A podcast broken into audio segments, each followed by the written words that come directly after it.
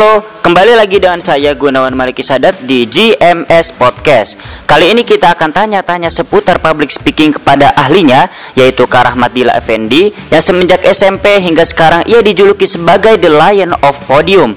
Oleh karena itu, mari kita perhatikan ilmunya setelah yang satu ini.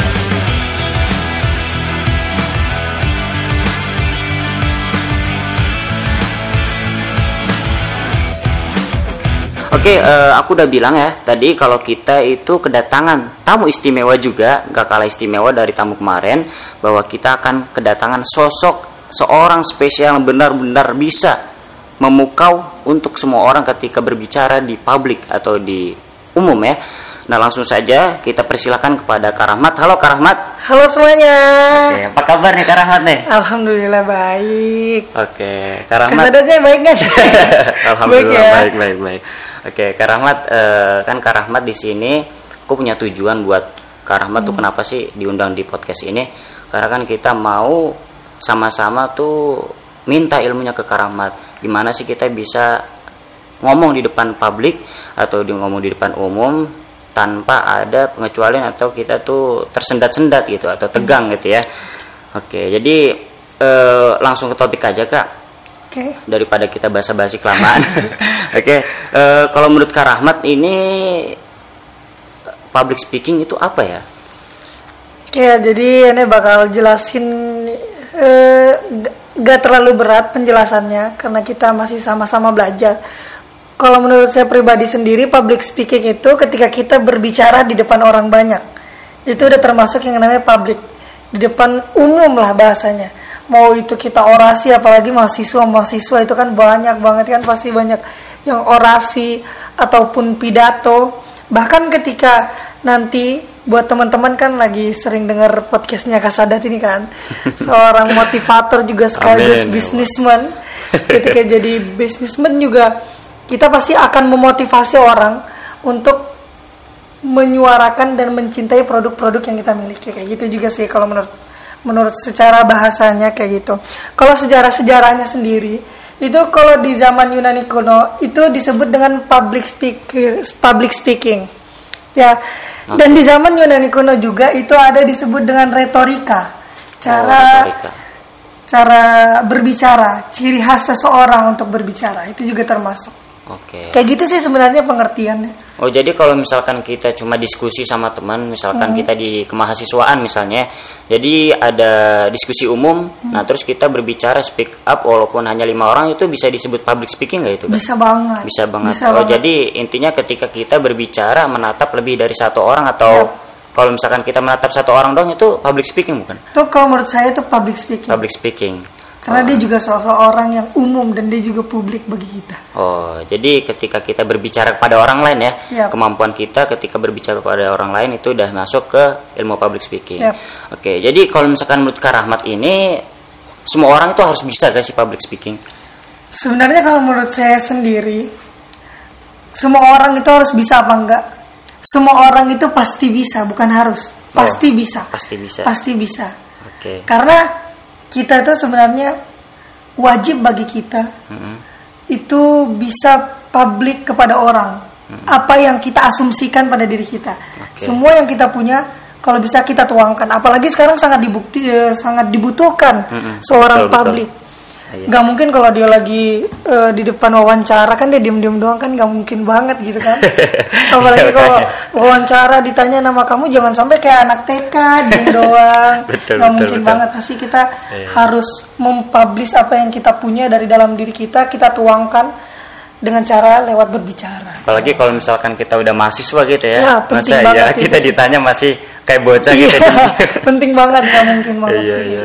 Nah terus eh, berarti sebabnya itu ya ketika kita emang kita semua orang bukan pertanyaannya bukan harus atau enggak ya kayak, Iya. tetapi emang pasti bisa. pasti bisa Dan karena emang ketika kita memiliki skill public speaking ini emang benar-benar dibutuhin. sangat-sangat dibutuhkan Nah biasanya menurut kakak itu dibutuhkan ketika orang kan nggak semua orang itu punya panggung sendiri-sendiri ya, Iya. nggak semua orang itu didorong oleh orang-orang lain atau orang sekitarnya untuk bisa maju ke depan.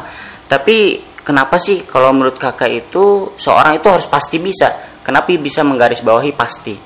ya Karena Eh. kenapa gitu orang harus bisa public speaking. Oh, bukan harus bisa, tetapi pasti bisa. Pasti bisa. Pasti bisa. Iya. Tetapi kan kalau kata Kasadat sendiri kan tadi ngomongnya belum punya panggung sendiri ya kan kalau kata Kasadat. Sebenarnya nih di zaman-zaman kita kayak lagi SMP, SMA kita itu lagi karakter building kan. Hmm. Di zaman-zamannya kita itu dibentuk untuk memiliki karakter yang kuat. Hmm. Jadi nanti tingkat kita pasti harus memiliki rasa keyakinan yang kuat. Contohnya gini, kalau saya dulu kalau saya dulu sering dikasih tahu sama yang mentor, Hmm. itu kalau kata mentor malu itu ada berapa kata kalau menurut Kasadat? Malu itu ada Malu berapa itu huruf? Ada empat. Ada empat. M A L U. M A L U. L-U. Kalau Kasadat ada berapa? Sadat. S A D A D. Empat. Eh lima. Lima. Iya. Banyakan lima atau empat? Lima. lima masa kita mau kalah dengan suatu kata yang gak lebih banyak nominalnya daripada kita sadat dan malu Hah. sadat ada lima malu ada empat masa kita mau kalah dengan yang empat jadi hilangkan rasa malu kita Hmm. jadi kita harus benar-benar yakin Oh, ya. dan punya niat yang kuat untuk bisa Oke. dan pasti bisa Kalau misalkan namanya Ulil sama Malu ulil sama malu? Sama-sama empat tuh. sama-sama empat? Iya. Oke. gimana ya? Belum terpikirkan sebenarnya. Oke oke. Ya gitu jadi teman-teman ya. Jadi pertanyaannya bukan apakah harus bisa kita memiliki skill public speaking tetapi menurut Karahmat ini yang benar-benar bisa jadi patokan untuk kita semua skill public speaking ini pasti bisa dimiliki oleh setiap orang karena setiap orang pasti memiliki potensi masing-masing ya kayak Yap. tinggal kita ingin menggalinya atau tidak. Oke eh, gini Karahmat kan sebagai teman pasti kita itu sering mengetahui apa sih sosok Karahmat ini. Dan aku pribadi tuh emang pernah dengar kalau Karahmat ini dijuluki the line of podium. Maksudnya singa podium. Itu kenapa ya kak bisa dijulukin seperti itu? Kalau menurut kakak pribadi itu gimana walaupun kakak tuh nggak bisa apa namanya mengungkapkan ah gua mah bukan kayak gitu orangnya tapi kok orang bisa menjuluki seperti itu mungkin bisa jadi panutan untuk teman-teman semua yang mendengar podcast ini bisa jadi patokan atau role model bagi mereka yang mau mempelajari public speaking Sebenarnya kalau masalah julukan itu bukan menjadi patokan dan tujuan ya. Itu yang pertama buat teman-teman. Kalau julukan itu bukan menjadi patokan dan tujuan. Kalau misalkan kita udah punya skill itu, pasti kita akan terus dan terus. Apa pun dikata orang, julukan kita terima, kita syukuri alhamdulillah, tapi jangan sampai kita menjadi lebih tinggi daripada julukan orang yang katakan itu. Jadi kalau misalkan ditanya kenapa bisa dijulukin kayak gitu, kita kan nggak punya nggak punya Iya, maksud oh tiba-tiba dapat kayak gini kita mau kayak gini kita harus dibilang seperti ini itu malah jadi nantinya sombong lah bahasanya enggak. Betul, betul. Jadi kita ya jalanin aja semua itu pasti punya julukan masing-masing dan kita nggak perlu disama-samakan sama orang, nggak perlu terlalu berlebihan lah menanggapi itu. Kita cukup bersyukur atas julukan yang dikasih gitu. Kalau kalau saya kalau saya juga pernah tanya kan ke teman kok bisa dapat the line of, of podium Iya, gitu kan? iya. The line of podium singa berarti apa artinya? Singa singa podium, singanya podium singanya mimbar Ya mungkin kalau saya kan kayak gini ngobrolnya biasa. Heeh. Tapi kalau di podium kalau kata orang, Iya. soalnya langsung wah gitu. Wah, iya betul. Itu teman-teman. Kenapa aku mengundang Karahmat itu emang aku sendiri tuh emang apa ya? Terpukau ketika Karahmat ini berbicara di depan apalagi kalau dia di atas mimbar gitu. Suaranya dari intonasi ya, intonasi, retorika itu semuanya memiliki ciri khas masing-masing. Nah, pastinya akan kita bahas nanti teknik-tekniknya. Kayak sebelum itu tunggu Kak Sadat. Oke. Pernah juga kalau nggak salah kata seorang itu seseorang mentor Mhm. dan saya itu pernah mengatakan kayak gini. Yang penting ketika public speaking itu naik tanpa persiapan, Mhm. turun tanpa penghormatan. Wah, bagus banget. Ya betul Jadi betul. kalau kita nggak mempersiapkan matang-matang ketika nanti kita akan naik, maka Hmm. kita akan nggak akan dapat penghormatan dari orang. Wah ini Oh. bagus nggak? Nggak mungkin banget. Oke, Jadi oke, kita harus oke. siapin, punya mental, punya persiapan yang matang, naik dan turun pun nanti kita akan dihormati. Oke, itu bagus banget ya. Sebenarnya aku emang udah punya apa namanya, bukan udah punya ya, tapi udah pernah ngobrol sebelumnya. Mungkin ini bisa jadi hal baru yang harus dipatokin jadi teman-teman bahwa ketika kita naik tanpa persiapan, maka ketika kita turun tanda eh tanpa penghormatan untuk kita semua. Jadi ketika kita naik mimbar atau ketika kita ingin berbicara di depan umum maka kita persiapkan ya Iya. persiapkan diri baik itu teks atau persiapan diri mental ketika kita sudah selesai berbicara maka ada orang yang tunduk atau masuk karena eh, pembicaraan kita yang benar-benar melekat ke hati mereka gitu. Oke.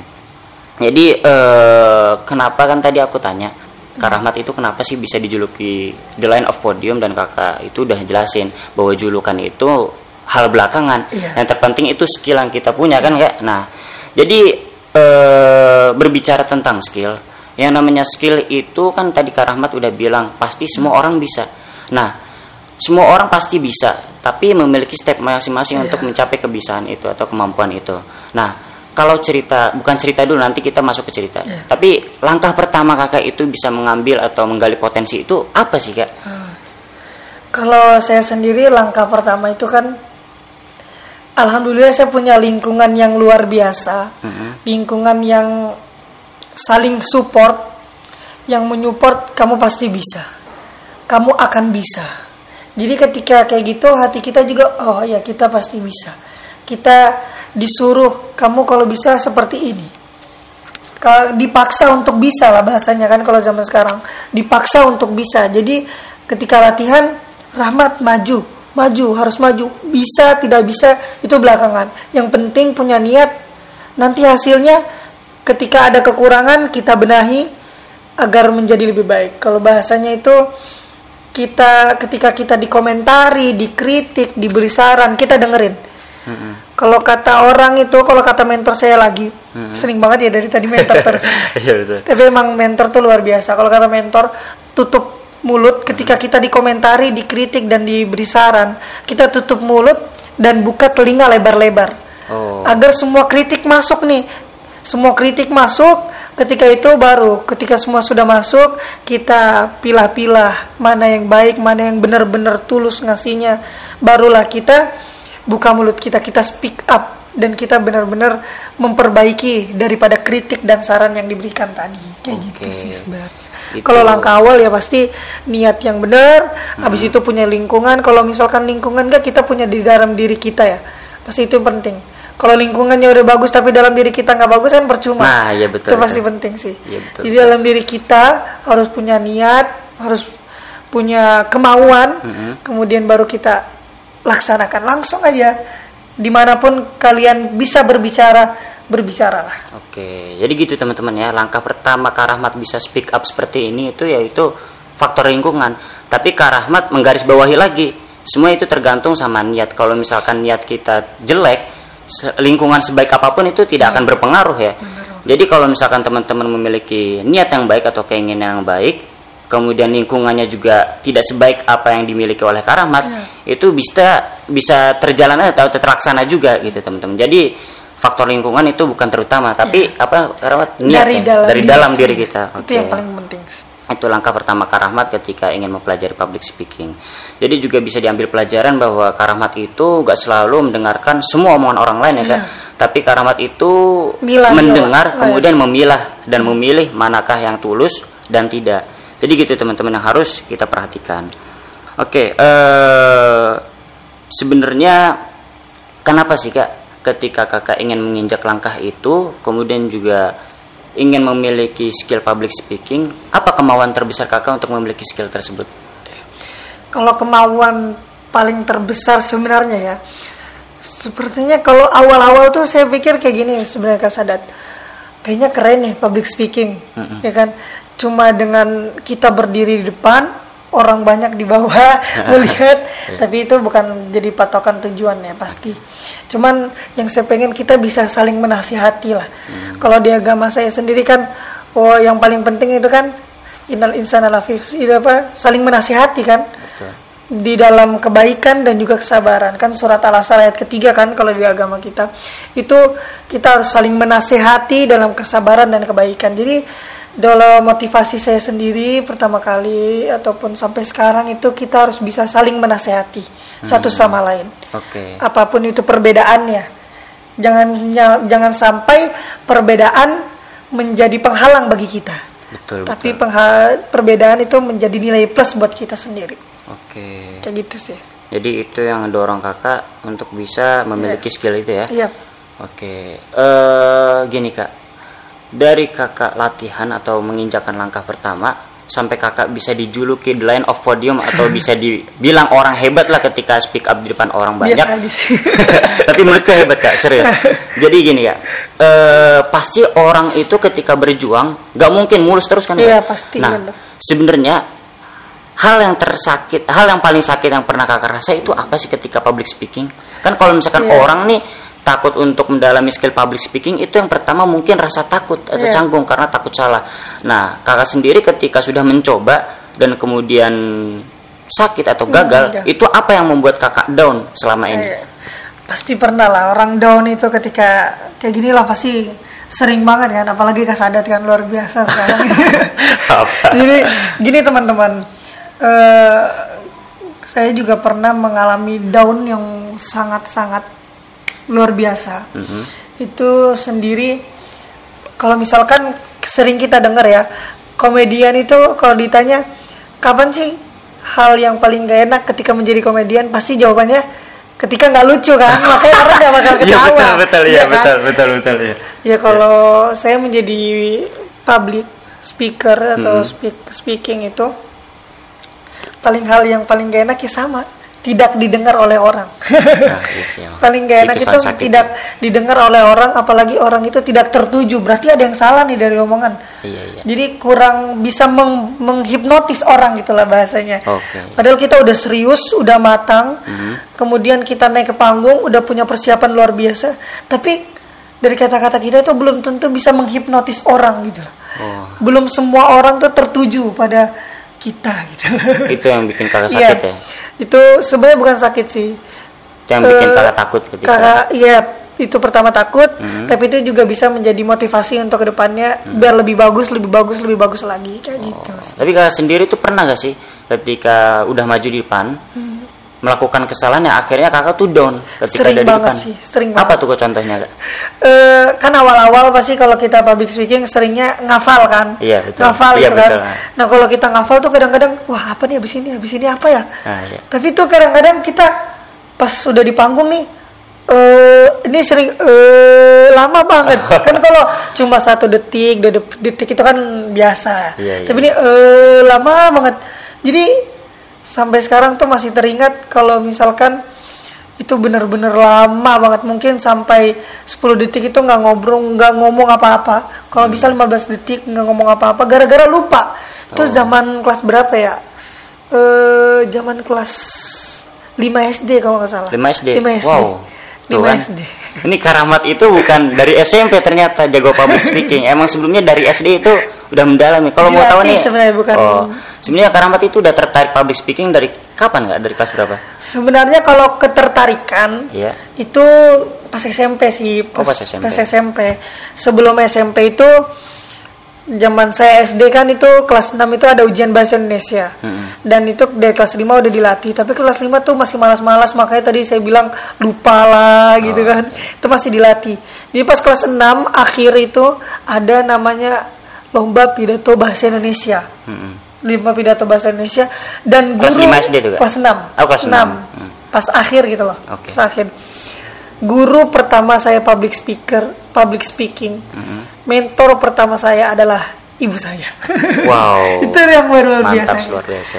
ibu saya soalnya bener-bener keras kan Hmm. keras jadi kalau salah sedikit salah gitu loh Wow. salah ini salah benerin lagi hafalin lagi kayak gitu waktu itu ulang ujian pidato bahasa Indonesia jadi ibu saya tuh sering memotivasi Hmm. sering juga memberi teguran bagusnya kayak gini kayak gini. Walaupun tuh dulu saya pikir keras banget nih ibu nih.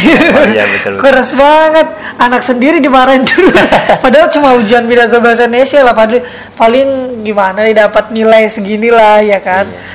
tapi emang sampai sekarang tuh jadi oh dulu tuh dibenerin dikasih nasihat sama ibu tuh biar nanti jadi lebih bagus. Hmm. Jadi sangat luar biasa sih menurut saya mentor yang paling luar biasa sampai saat ini yang bisa buat diri saya itu jadi yakin tentang public speaking ataupun apa yang saya omongi itu adalah ibu saya pertama. Diajarin retorika, diajarin intonasi ketika di depan orang banyak, diajarin gerak tangan juga mimik semuanya diajarin sama Wow, ibu. mantap. Soalnya ibu saya juga sering juga sih ngobrol di orang Oke, tenang aja nih teman-teman ya. Untuk teknik dan skill itu kita akan bahas nanti. Itu yang benar-benar aku tunggu banget nih. Karena aku sendiri juga belum paham teknik bagaimana kita bisa speak up di depan orang. Intinya sih selama ini yang aku pegang tuh ketika berbicara di depan jelas bisa dipahami orang, kemudian juga nggak tegang. Nggak tegang sih nggak mungkin ya. Yang penting tuh nggak terlihat tegang di mata orang lain. Tapi nanti kita akan bahas skill-skillnya. Oke, eh, tadi kan Karamat cerita tuh. Kalau selama ini bukan selama ini langkah awal atau cerita awal kakak ketika mendalami public speaking itu eh, diarahin oleh ibu ya orang ibu. ya. Nah sebenarnya ibu kakak itu emang sudah memiliki latar belakang sebagai public speaker atau gimana sih kak? Kok bisa memiliki mentorship yang bagus? sebenarnya enggak sih. Enggak. Maksudnya di atas ibu saya maksudnya nenek enggak Hmm, cuman suka memimpin aja kata Oh. kalau kata ibu saya suka mimpin suka jadi ketua-ketua gitu kalau nenek katanya dulu gitu tapi kalau ibu saya memang dari lama dari mungkin mahasiswa tuh udah speak up lah bahasanya udah sering ngobrol sama orang udah Iya, sering iya. ngomong di depan sama orang sampai akhirnya sekarang kan jadi guru ya mm-mm. jadi guru guru bahasa Indonesia juga ternyata Oh. guru bahasa Iya, Indonesia iya, iya, pidato. jadi eh, ketika ibu saya itu sering nonton ya banyak sih pidato Hmm. tentang motivasi juga. Ya, jadi mungkin menurunnya ke saya gitu ya. Hmm. tapi kalau sebelum sebelum daripada ibu kayaknya enggak deh. Tapi ketika ibu menurutnya mungkin ke saya. Dan saya juga suka nih.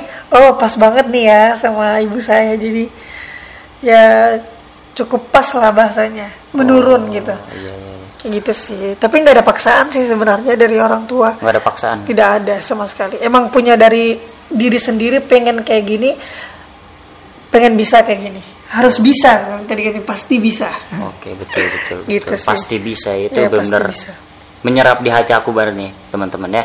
Karena tadi aku pikir tuh semua orang eh, bukan semua orang sih sebenarnya aku nanya tadi salah. Apakah harus bisa atau enggak? Pasti bisa jawabannya jadi emang setiap orang tuh memiliki potensi masing-masing. Apa yang kita inginkan eh, akan tercapai jika kita emang berjuang gitu ya. Dan Oke. harus dipikir atau stereotipe kita itu dalam otak kita kita yakin kita kita pasti bisa. Kita yakin kita pasti bisa. Kayak gitu. Ya stereotip. Ya. kalau lagunya gimana sih tau gak? Yang mana tuh? aku yakin pasti Mana ada lagu bisa. gitu? Aku bisa, aku pasti bisa. Iya, gitu. Tuh kan, rasanya suaranya bagus banget ya. Oke, eh, Iya. oke. Tadi kan kita ngomongin ibu nih. Nah, kita lupa nih sosok spesial lagi satu nih ayah. Nah, kalau misalkan aku mau tanya nih, Hmm. Karahmat tuh sebenarnya kalau sama sosok ayah, seorang ayah itu gimana sih dalam skill public speaking ini? Apakah hanya sekedar mendorong atau memberikan teknikal-teknikal juga atau gimana? Kalau ayah sendiri itu kan punya basic lah bahasanya. Mm-mm. Punya basic, bisa ngomong di depan orang. Dan ayah saya juga kalau ngomong tuh bukan di depan orang orang Indo.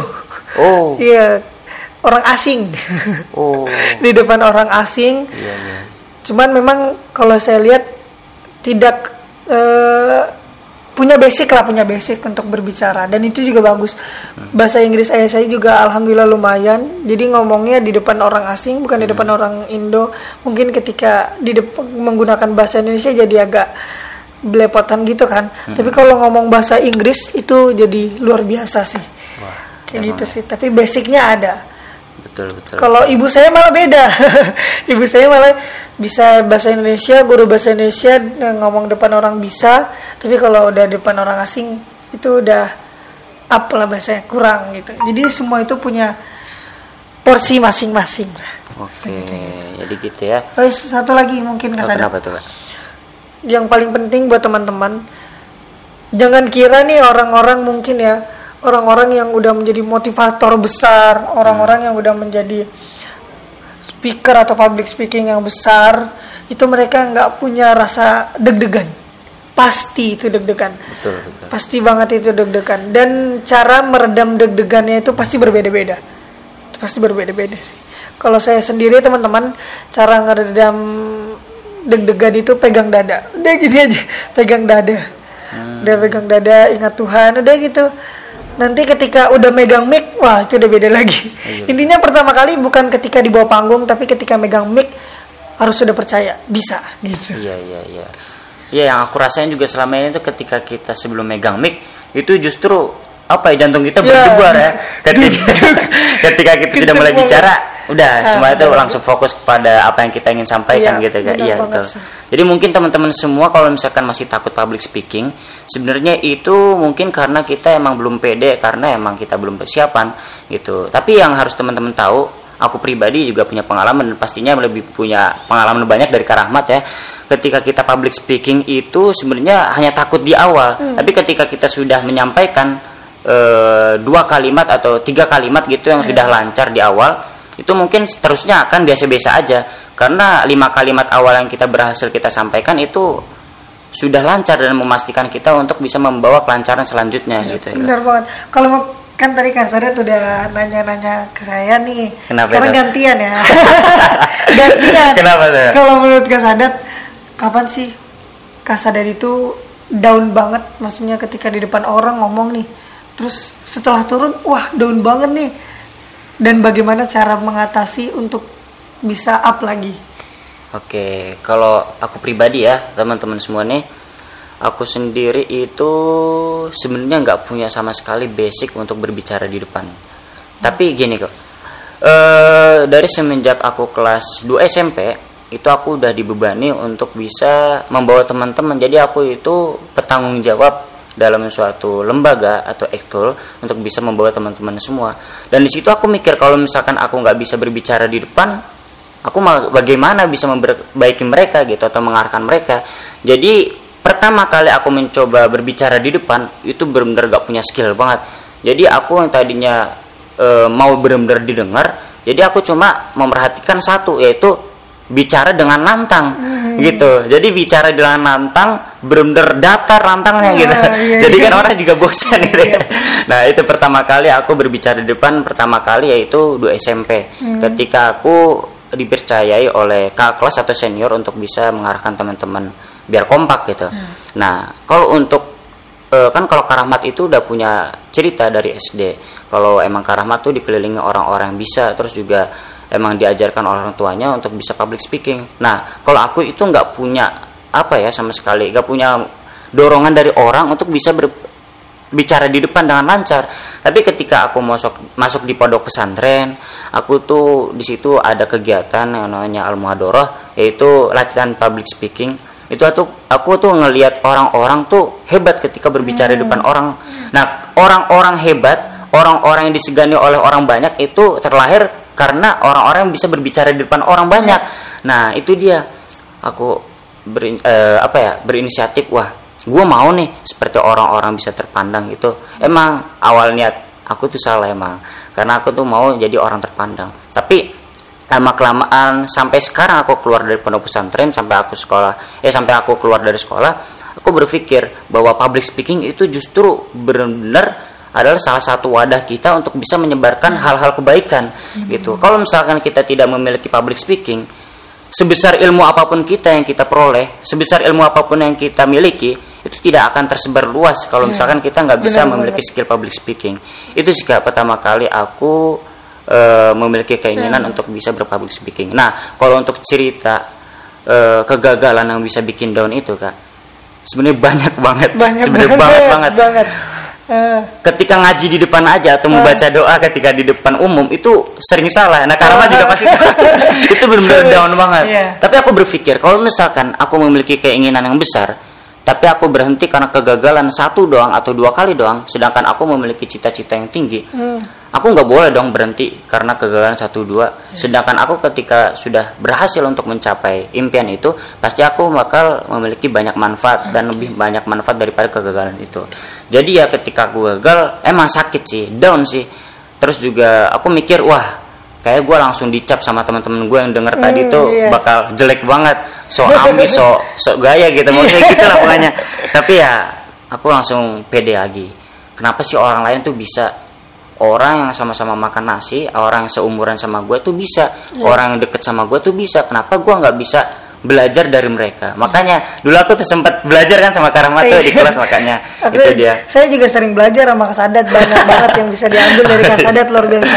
Teman-teman gimana caranya harus banyak ngambil manfaat dari Kasadat. makasih banyak nih Karamatnya jadi gitu Karamat ya kalau misalkan kita juga sharing-sharing kenapa sih aku selama itu tertarik sama public speaking? Walaupun aku tuh kalau di Instagram ngobrolnya masalah kemalasan karena dengan kemalasan itu emang menghambat semuanya. Kalau kita nggak punya berprinsip eh, ketika kita ingin berjuang atau mencapai suatu hal karena malas doang itu akan menjadi impian yang palsu gitu sama sekali sama aja kayak ketika eh, kita ingin menjadi orang seorang inspirator orang yang Oke. memili- eh, memberikan inspirasi pada orang banyak kalau kita malas kita nggak akan bisa, Bisa menyampaikannya gitu oke kak Kalau Kenapa? yang saya dapat dari Kasadat nih teman-teman ya.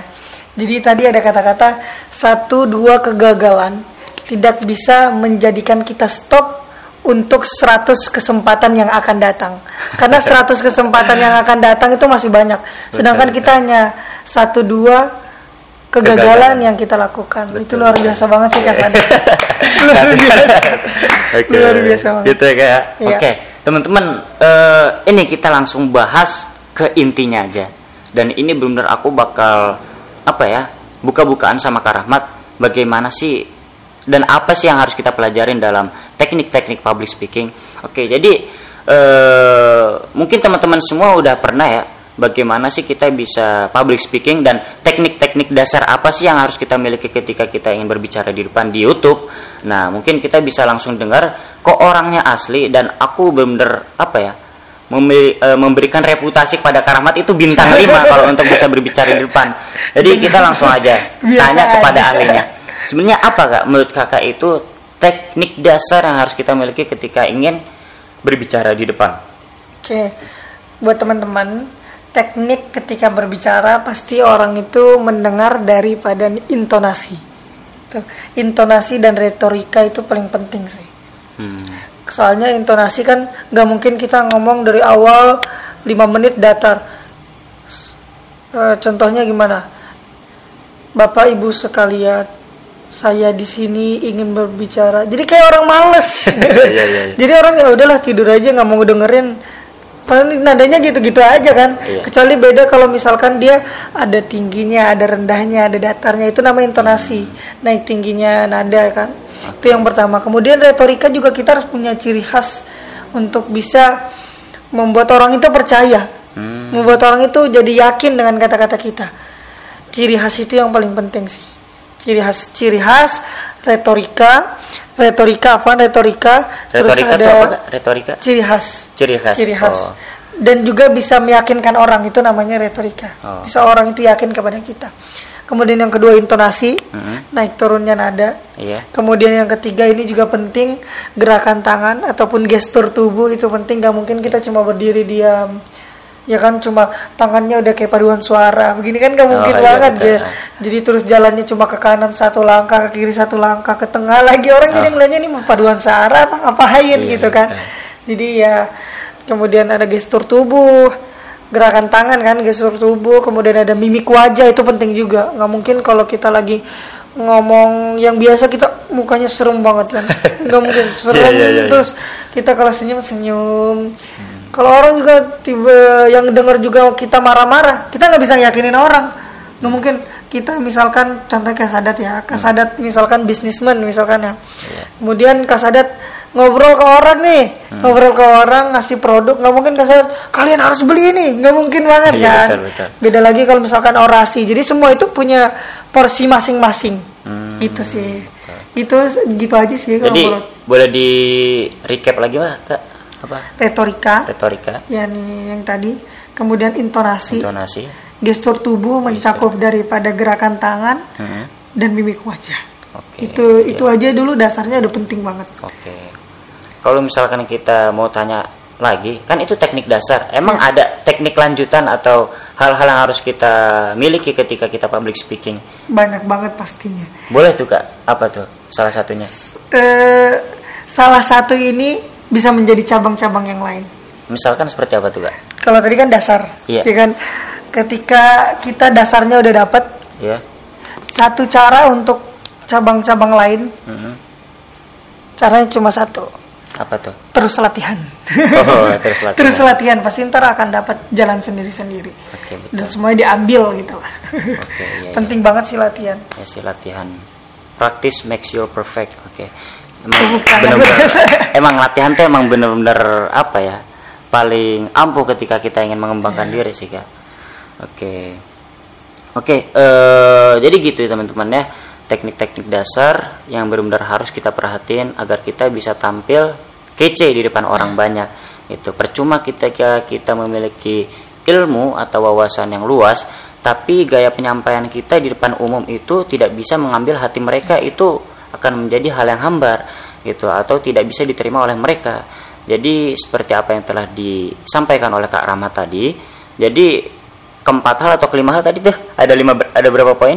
Ada empat. Ada empat poin ya empat poin teknik dasar atau keempat hal tadi itu hal-hal yang harus kita perhatikan atau hal yang harus kita miliki ketika kita ingin bisa public speaking atau menjadi public speaker. Oke eh, sebelum kita menutup podcast ini kak coba aku minta dong kak harapan kakak buat teman-teman yang mendengar podcast ini atau yang ingin belajar public speaking. Harapan kakak tuh apa?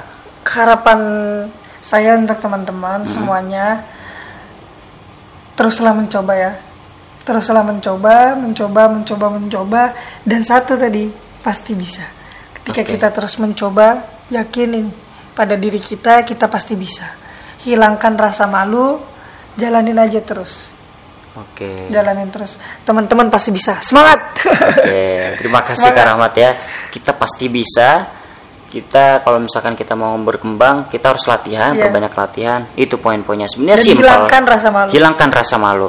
Ya, itu sebenarnya hal-hal dasar yang gak rumit. Ketika kita mendengarkan, kita sebenarnya langsung paham.